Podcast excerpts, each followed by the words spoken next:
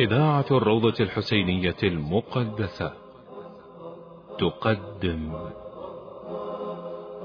شذرات شذرات من علوم القرآن. من علوم القرآن.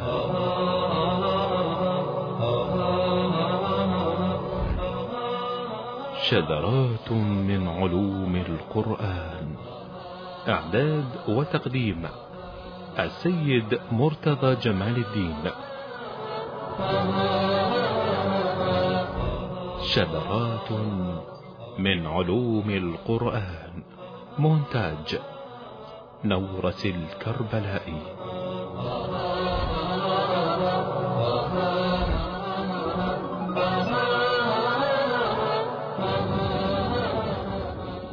عنوان الحلقة أقسام الآيات. أعوذ بالله السميع العليم من الشيطان الغوي الرجيم. بسم الله الرحمن الرحيم. والحمد لله رب العالمين وصلى الله على سيدنا ونبينا محمد وآل بيته الطيبين الطاهرين المعصومين.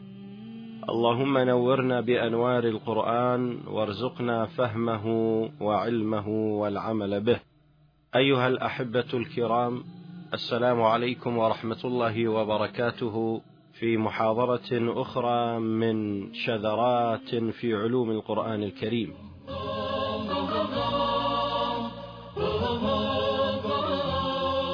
شذرات من علوم القرآن في هذه المحاضرة اليوم نأخذ باقة من علوم آل محمد صلوات الله عليهم أجمعين وهم ينظرون إلى القرآن الكريم من حيثيات مختلفة حيث قسم أهل البيت عليهم السلام آيات القرآن إلى عدة أقسام اعتمادا على تنويع المقاسم وقد جاءت هذه التقسيمات في لسان الأحاديث الشريفة وكل هذه الأنواع من التقسيمات لها باب مستقل ممكن أن يكون علما بذاته وها نحن نذكر هذه الأقسام على التوالي. لم يكن هذا البحث ولم يكن هذا العلم من علوم القرآن في كل كتب علوم القرآن لعلماء السنة والجماعة. بينما هذا البحث خاص بآل محمد صلوات الله عليهم أجمعين. فإنهم ينظرون إلى آيات القرآن من حيثية معينة ومن زاوية معينة فيقسمون آيات القرآن الكريم ويصنفونها إلى نظام المجموعات. فهناك قسمة ثنائية وهناك قسمة ثلاثية وهناك قسمة رباعية وهناك قسمة سباعية. وهذا العلم غير موجود إلا عند آل محمد صلوات الله عليهم أجمعين. فمثلا في القسمة الثنائية أن القرآن الكريم لما نظروه من حيثية معينة قسموا الآيات القرآنية إلى محكم ومتشابه. وفي القسمة الثنائية أيضا من جهة أخرى من نظرة أخرى من حيثية أخرى قسموا الآيات القرآنية إلى ناسخ ومنسوخ. وقسمة أخرى قسموا القرآن إلى أمر ونهي. ومجمل ومفصل وظاهر وباطن ومبهم ومبين ورخصة وعزيمة. فالقرآن الكريم وهذه الآيات الكريمة العظيمة لها كل آية تنتمي إلى فصيلة كل آية تنتمي إلى صفة وكل آية تنتمي إلى مقسم فمن جهة المحكم والمتشابه عرفوا القرآن بأنه نزل القرآن محكما ومتشابها. هذا الزوج الثنائي يعطي معلومة وتصنيف لكل آيات القرآن الكريم إلى محكم والمتشابه. وهذا ما نص فيه القرآن الكريم في سورة آل عمران يقول الله تعالى بسم الله الرحمن الرحيم هو الذي أنزل عليك الكتاب منه آيات محكمات هن أم الكتاب وأخر متشابهات. هو الذي أنزل عليك الكتاب منه آيات محكمات هن أم الكتاب وأخر متشابهات. فهنا القرآن الكريم يقول آيات القرآن على نوعين محكم ومتشابه. عاد أهل البيت عليهم السلام يجون يعرفون ما المحكم وما المتشابه. والواقع أي مفسر لا يعرف معنى المحكم والمتشابه أي فقيه لا يعرف معنى المحكم والمتشابه لا يتسنى له تفسير القرآن أو الإفتاء بالقرآن الكريم. قال الإمام الصادق عليه السلام المحكم ما كان ثابتا والمتشابه ما تشابه على جاهله. المتشابه ما تشابه على جاهله يعني معناها أن المتشابه مسألة نسبية. عند العالم بهذه الآية عنده هي محكمة ولكن عند الجاهل بها تكون آية متشابهة. وهناك آيات متشابهة قد وقع فيه كثير ممن يدعي العلم من بني الإسلام. واتخذوا القرآن عظين يعني أجزاء يؤمنون ببعض الكتاب ويكفرون ببعض. فمثلا المجبرة اتخذوا من آية من آيات القرآن الكريم وهي آية متشابهة. والله خلقكم وما تعملون. يعني الله خلق أعمالكم. شلبوا بهذه الآية وقالوا أن الإنسان مجبر على عمله. فلو ردوه إلى آية محكمة تحكمه لما وقعوا في هذا التشابه. وكذلك لما يقولون وجوه يومئذ ناظرة إلى ربها ناظرة. قالوا الله يمكن أن الرؤيا عليه تجوز الرؤيا عليه. ولكن لو رجعوا إلى آية محكمة تحكم هذه الآية لا تدركه الأبصار. وهو يدرك الأبصار لربما عرفوا معنى هذا التشابه. إذا الآيات القرآنية محكمة ومتشابهة. هسه لماذا في القرآن آيات محكمة ومتشابهة؟ لماذا لا يكون القرآن كله محكم؟ سئلوا الأئمة عليهم السلام في هذا المجال وأعطوا نموذج سر من أسرار هذا التنوع في القرآن الكريم وهناك أسرار كثيرة لا يسع المقام. قال حتى تحتاجون للإمام. لأن الإمام هو فقط الذي يفسر القرآن الكريم ويعرف بأسراره. فالقسمة الثنائية منها المحكم والمتشابه. أكو أيضا من ضمن القسمة الثنائية الناسخ والمنسوخ. قال الله تعالى ما ننسخ من آية أو ننسها نأتي بخير منها أو مثلها. هناك كثير من الآيات الناسخة وهناك كثير من الآيات المنسوخة. مثلا آية القبلة لما كان النبي صلى الله عليه وآله وسلم يصلي إلى قبلة المقدس جاء الوحي الإلهي وهو في موضع من مواضع المدينة وكان يصلي صلاة الظهر فنزل عليه الوحي وقال فولي وجهك شطر المسجد الحرام فلنولينك قبلة ترضاها. وإلى الآن موقع مسجد القبلتين معروف في المدينة وهو موضع تحويل القبلة. إذا هاي الآية ناسخة آية القبلة للكعبة ناسخة للعمل بمسألة التوجه إلى بيت المقدس. فأكو ناسخ وأكو منسوخ. أيضا هناك في القرآن الكريم لما واحد يقرأ هناك آية تبين على أن عدة المرأة المتوفى عنها زوجها عاما واحدا. فنسخت بآية أخرى وقلصت هذه العدة فحولتها من سنة إلى أربعة أشهر وعشرة أيام. فآية الأربعة أشهر وعشرة أيام ناسخة للآية التي تقول إن عدة المرأة المتوفى عنها زوجها عام واحد. إذا ناسخ ومنسوخ. فما هو الناسخ وما هو المنسوخ؟ يصف النبي صلى الله عليه وآله وسلم بقوله أن المحكمات هن الناسخات والمتشابهات هن المنسوخات. يعني دائما الآية الناسخة تكون محكمة ودائما الآية المنسوخة تكون متشابهة. من حيثية أخرى يرى الإمام الصادق عليه السلام وضمن القسمة الثنائية عن أبي بصير عن الصادق عليه السلام قال إن القرآن زاجر وآمر. يعني كأنما نظروا إلى القرآن من حيثية أخرى من زاوية أخرى فقسموا آيات القرآن إلى زاجر وآمر.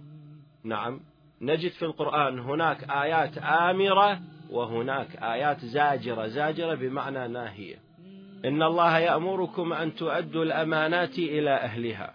إن الله يأمر بالعدل والإحسان وإيتاء ذي القربى. هذا أمر وينهى عن الفحشاء والمنكر والبغي يعظكم لعلكم تذكرون. فإذا نزل القرآن آمر وزاجر يأمر بالخير ويزجر عن الشر. رواية عن الإمام الصادق تقول إن القرآن زاجر وآمر يأمر بالجنة ويزجر عن النار. أي أي بها مجاز. يأمر بالجنة أي يأمر بالأعمال التي توصل إلى الجنة ويزجر عن النار أي يزجر عن الأعمال التي تزجر عن النار. ففعلا لما ننظر إلى الآيات القرآنية فبعض الآيات آمرة وبعض الآيات زاجرة.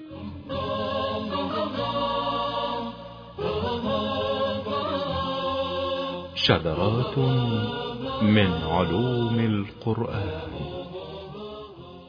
في نظرة أخرى لأهل البيت عليهم السلام إلى الآيات القرآنية وصفوه بأنه مجمل ومفصل.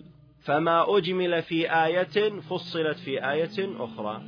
مثال قال الله تعالى بسم الله الرحمن الرحيم. كتاب أحكمت آياته ثم فصلت. يعني بعد إرجاع المتشابه إلى المحكم تصير عملية تفصيل للموضوع القرآني. أضرب مثال كلنا نقرأ سورة الفاتحة آناء الليل وأطراف النهار. فالفئات الثلاثة التي ذكرتهم الفاتحة صراط الذين أنعمت عليهم فهذه فئة الذين أنعم الله عليهم فئة.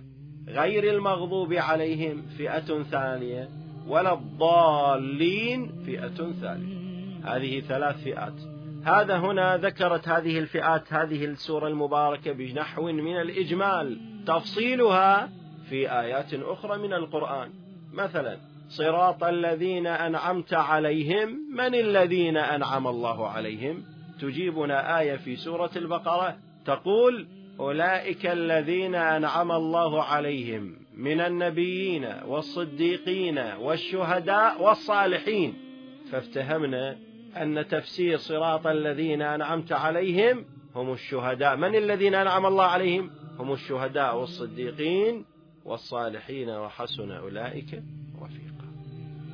إذا ما أجمل في سورة الفاتحة فصل في سور أخرى ولهذا قيل في الرواية المشهورة عن أمير المؤمنين عليه السلام أن سورة الفاتحة مجملة احتوت على القرآن كله.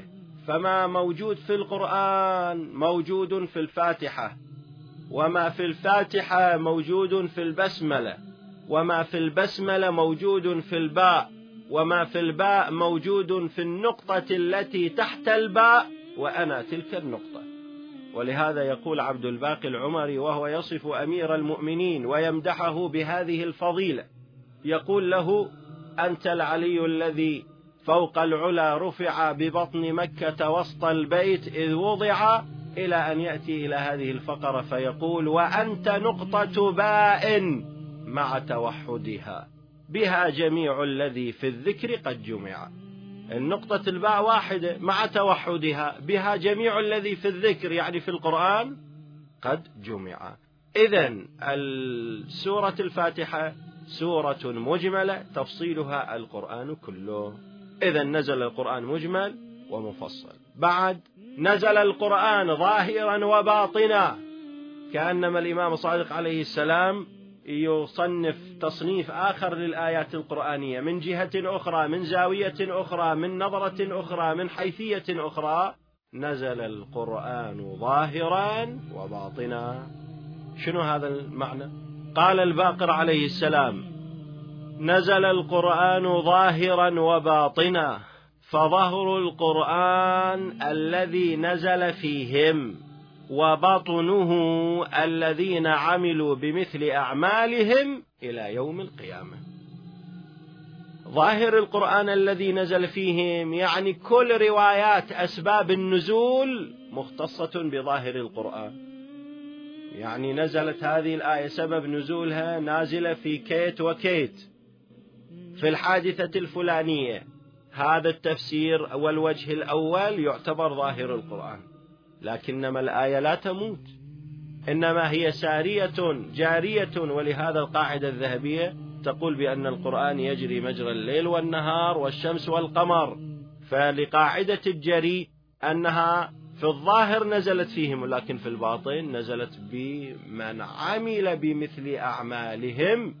إن خيرا فخير وإن شرا فشر. أضرب مثال. اجى واحد إلى الإمام الصادق فقال له يا ابن رسول الله ما معنى هذه الآية؟ بسم الله الرحمن الرحيم. إنما أنت منذر ولكل قوم هاد. أليس معناها كذا أن المنذر هو النبي الأكرم محمد صلى الله عليه وآله وسلم والهادي هو علي بن أبي طالب؟ قال نعم. المنذر جدي رسول الله صلى الله عليه وآله والهادي علي ولكن للقرن الذي يليه يعني اللي في القرن الذي عاش فيه. أما اليوم فالهادي هو أنا يعني الإمام الصادق عليه السلام. يعني الشريد يقول؟ يريد يقول أن المنذر هو جدي رسول الله صلى الله عليه وآله وسلم. ولكن الهادي في زمانه يعني في زمان نزول الآية في ظاهرها علي بن أبي طالب وفي باطنها في الذين عملوا بمثل أعمالهم يعني بمثل عمل علي بن أبي طالب. من الذي تقمص الإمامة بعد أمير المؤمنين؟ ولداه الحسن والحسين ثم علي بن الحسين ثم محمد الباقر ثم جعفر الصادق. ولهذا قال فأنا الهادي الذي معني في هذه الآية. زين الآن سؤال. إذا كان عرفنا هذا فمن الهادي اليوم؟ لا شك ولا ريب أن هادينا هو مولانا صاحب العصر والزمان. عجل الله تعالى فرجه الشريف إذا ظاهر القرآن نزل في محمد وعلي. باطنه نزل في الأئمة وآخر الأئمة الإمام المهدي. إنما أنت منذر ولكل قوم هاد أيضا نزل القرآن مبهم ومبين مبهم ومبين فبعض الآيات مبهمة حاشا لله أن يكون آية مبهمة. يعني ما حد يعرفها مغلقة ما حد يعرف معناها. لا مو هذا القصد. القصد مبهمة مبهمة علينا مبهمة على الجاهل لكنها مبينة عدما عند الله والراسخون في العلم. واضح؟ فإذا القرآن الكريم نزل مبهم ومبين. فبعض الآيات مبهمة بعض الآيات نعم شنو؟ مبينة. وأحيانا التبيين يأتي من رسول الله مثلا في سورة يوسف. سلام الله عليه قالت الآية وهمت به وهم بها. هذه الآية مبهمة. يعني شنو همت به؟ لعله همت بالفاحشة والعياذ بالله وهذا معروف. زين هم بها شنو؟ زين إذا قلنا هم بالفاحشة والعياذ بالله يستلزم ذلك نقض العصمة والأنبياء معصومون. زين هاي صارت القضية مبهمة.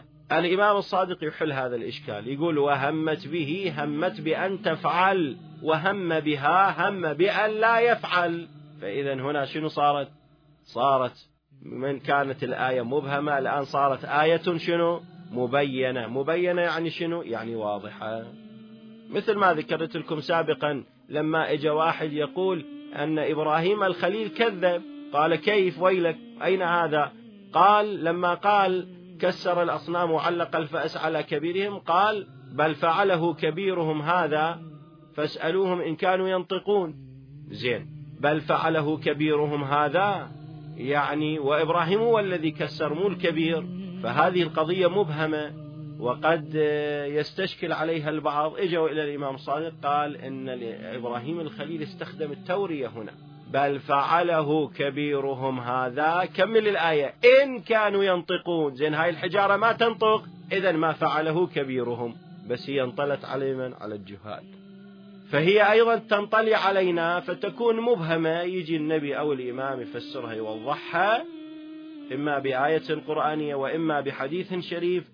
فتتحول الآية المبهمة إلى آية مبينة. بعد من ضمن القسمة الثنائية الرخصة والعزيمة. فقد ورد عنهم سلام الله عليهم إن الله يحب أن يؤخذ برخصه كما يحب أن يؤخذ بعزائمه. شنو هي الرخصة وشنو هي العزيمة؟ العزيمة يعني الوجوب الرخصة يعني التخيير كأنما مو دائما التأخير أحيانا يكون هبة من الله سبحانه وتعالى هدية من الله معطاة كما في آية الصوم. الصوم واجب في شهر رمضان المبارك. إلا أن الله سبحانه وتعالى رخص لذوي الأعذار كالمسافر والمريض. فهذه رخصة. العزيمة شنو؟ العزيمة قوله تعالى يا أيها الذين آمنوا كتب عليكم الصيام كما كتب على الذين من قبلكم. هذه عزيمة. عزيمة شنو يعني؟ واجب. وهناك في ضمن آيات الصوم رخصة. شنو هي الرخصة؟ وهي قوله تعالى فمن كان منكم مريضا أو على سفر فعدة من أيام أخر. فهنا نرخص لذوي الأعذار الإفطار. فهذه رخصة وهذه عزيمة.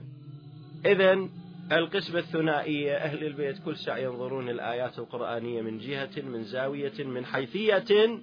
ويصنفون آيات القرآن. وهذه براعة وهذا ذكاء من آل محمد صلوات الله عليهم بما أعلمهم الله. وهذا العلم غير موجود في باقي علوم القرآن لباقي المسلمين. لا عندنا قسمة ثلاثية. الآن كل الذي مر قسمة ثنائية. الآن قسمة ثلاثية. يصنفون أهل البيت القرآن كله من جهة هذا من جهة أخرى إلى قسمة ثلاثية. لا يعني هذا أنه أغفلوا أو أهملوا القسمة الثنائية لا هذا من منظار وهذا من منظار. هذا الشيء يريد يولد عندي؟ يولد عندي كثرة من المعاني. لما أنظر بهذا المنظار ينتج لي نتيجة ولما أنظر بهذا المنظار الثلاثي ينتج نتيجة. خلينا نشوف القسمة الثلاثية وهناك روايات كثيرة تدل على هذا المطلب في بحار الأنوار. وينقلها عن تفسير العياشي والقمي رضوان الله عليهما عن الأصبغ بن نباته قال سمعت أمير المؤمنين عليه السلام يقول نزل القرآن أثلاثا نزل القرآن أثلاثا ثلث فينا وفي عدونا وثلث سنن وأمثال وثلث فرائض وأحكام قال الصادق عليه السلام. من لم يعرف أمرنا من القرآن لم يتنكب الفتن. إذا كان القرآن الكريم ستة آلاف وستمائة وستون آية ستة آلاف وستمائة وستين وكسور آية قرآنية. زين. فثلث القرآن إيش قد؟ ثلث القرآن ألفين ومئتين زين وعشرين آية فرضا. يعني ثلث القرآن ألفين ومئتين وعشرين آية نزلت في أهل البيت وفي أعدائهم. شلون نزلت يعني إحنا كل ما حافظين من القرآن الكريم إنما وليكم الله ورسوله كل ما حافظين من القرآن الكريم أطيعوا الله وأطيعوا الرسول. زين ابن عباس يقول 300 آية نزلت في علي بن أبي طالب. زين الخطر ابن عساكر في تاريخ دمشق يقول نزلت في أهل البيت أو في علي بن أبي طالب 700 آية. وأمير المؤمنين يقول لا ثلث القرآن فينا وفي أعدائنا إلى ثلث القرآن 2200 آية مشتركة بينهم وبين أعدائهم. نصف الثلث إيش قد؟ 1100 آية. يعني إيش قد بعد نطلب ابن عساكر؟ نطلب ابن عساكر بعد 400 آية لأنه قال 700 آية نزلت في آل محمد. زين كيف هذا يكون؟ وكيف نحصل على هذه الآيات النازلة في آل محمد صلوات الله عليه؟ نعم إذا نقرأ القرآن على الظاهر. لا نستخرج من الآيات القرآنية إلا الآيات التي نزلت ظاهرا في آل محمد كآية التطهير والطاعة والولاية وإتمام الدين والمباهلة. أما هناك آيات كثيرة أهل البيت عليهم السلام يفسرونها وينزلونها فيهم. سلام الله عليهم. خلينا نشوف شلون أهل البيت عليهم السلام يقولون ثلث القرآن فينا وفي أعدائنا. وثلث فرائض وأحكام وثلث سنن وأمثال. مثلا يقول الشيخ الصدوق رحمة الله عليه عن الإمام الصادق عليه السلام قال ما من آية في القرآن أولها يا أيها الذين آمنوا إلا وعلي بن أبي طالب أميرها وقائدها وشريفها وأولها. إذا هنا معدل الآيات القرآنية النازلة في أهل البيت. قاع شنو؟ يرتفع. لماذا؟ لأن هواي أكو في القرآن الكريم. يا أيها الذين آمنوا وهاي قاعدة من الإمام الصادق وطبعا هاي واردة عن حبر الأمة ابن عباس أيضا وينقلها شواهد التنزيل للحسكاني ويعقد باب كامل. باب يا أيها الذين آمنوا نازل في علي. بل علي أميرها وشريفها وقائدها إلى يوم القيامة. زين؟ إذا هاي تعطيني شنو؟ تعطيني اتساع في مفهوم الآيات النازلة في آل محمد صلى الله عليهم أجمعين. وبعد وما من آية تسوق إلى الجنة إلا وهي في النبي والأئمة الأطهار عليهم السلام وأشياعهم وأتباعهم. شكوى آية تدعو إلى الجنة. فاعلموا أنها نازلة في محمد وآل محمد وأشياعهم وأتباعهم. ولذلك لما قال القرآن الكريم أولئك هم خير البرية. قال له النبي يا علي هؤلاء شيعتك هم خير البرية. زين؟ وما من آية تصف المؤمنين بأنهم في جنات النعيم على سرر متقابلين. فهي نازلة في محمد وآل محمد وشيعتهم وأتباعهم. إذا صعد معدل الآيات النازلة في آل محمد أو ما صعد؟ نعم صعد. بعد. وما من آية تسوق إلى النار. هذا عكس المطلب.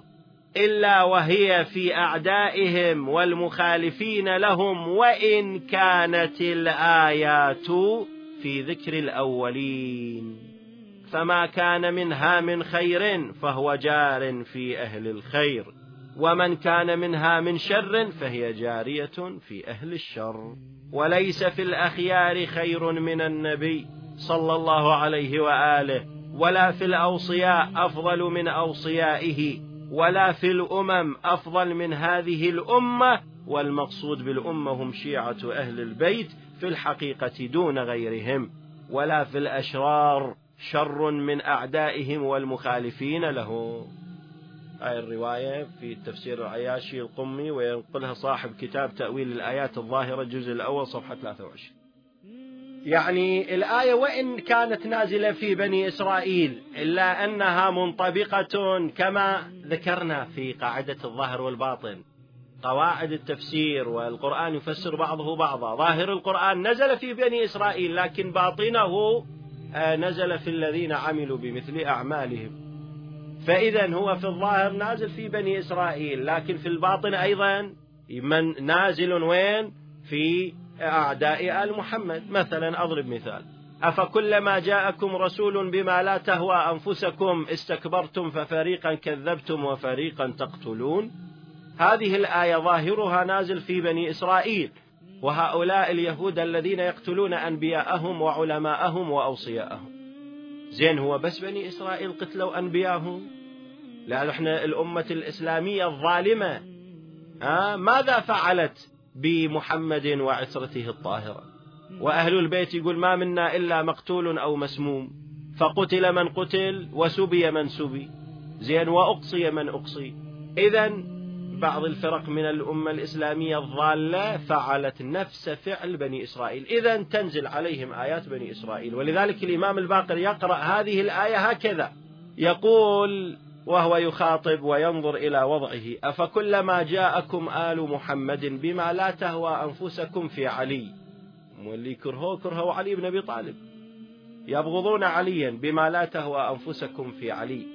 ففريقا كذبتم وفريقا من آل محمد تقتلون؟ مو هذا الواقع لو لا؟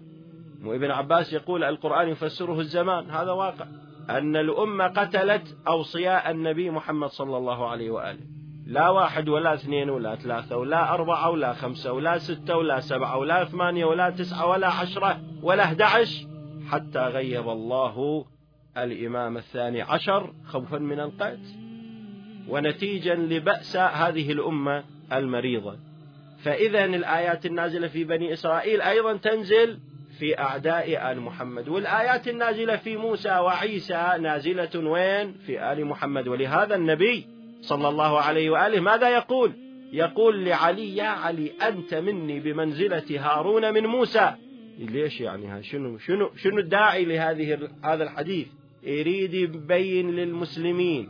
أنكم قرأتم القرآن وشفتم المنازل بين نبي الله موسى وهارون؟ هذه المنازل القرآنية بين موسى وهارون نازلة في وفي علي. ما خلا وما عدا وما حاشا النبوة.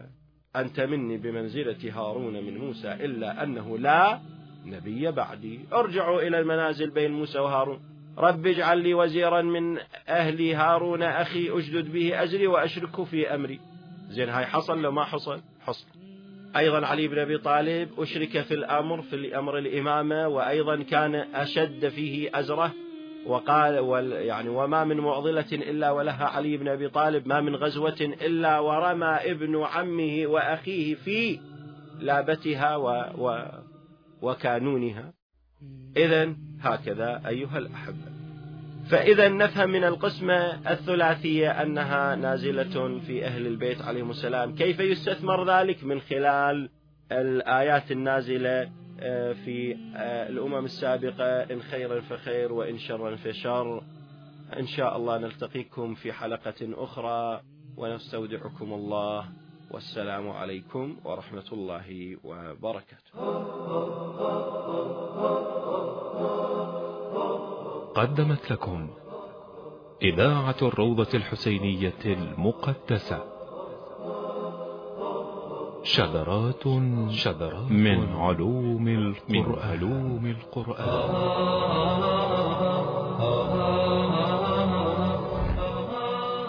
شذرات من علوم القرآن. إعداد وتقديم السيد مرتضى جمال الدين. شذرات من علوم القرآن. مونتاج نورس الكربلائي.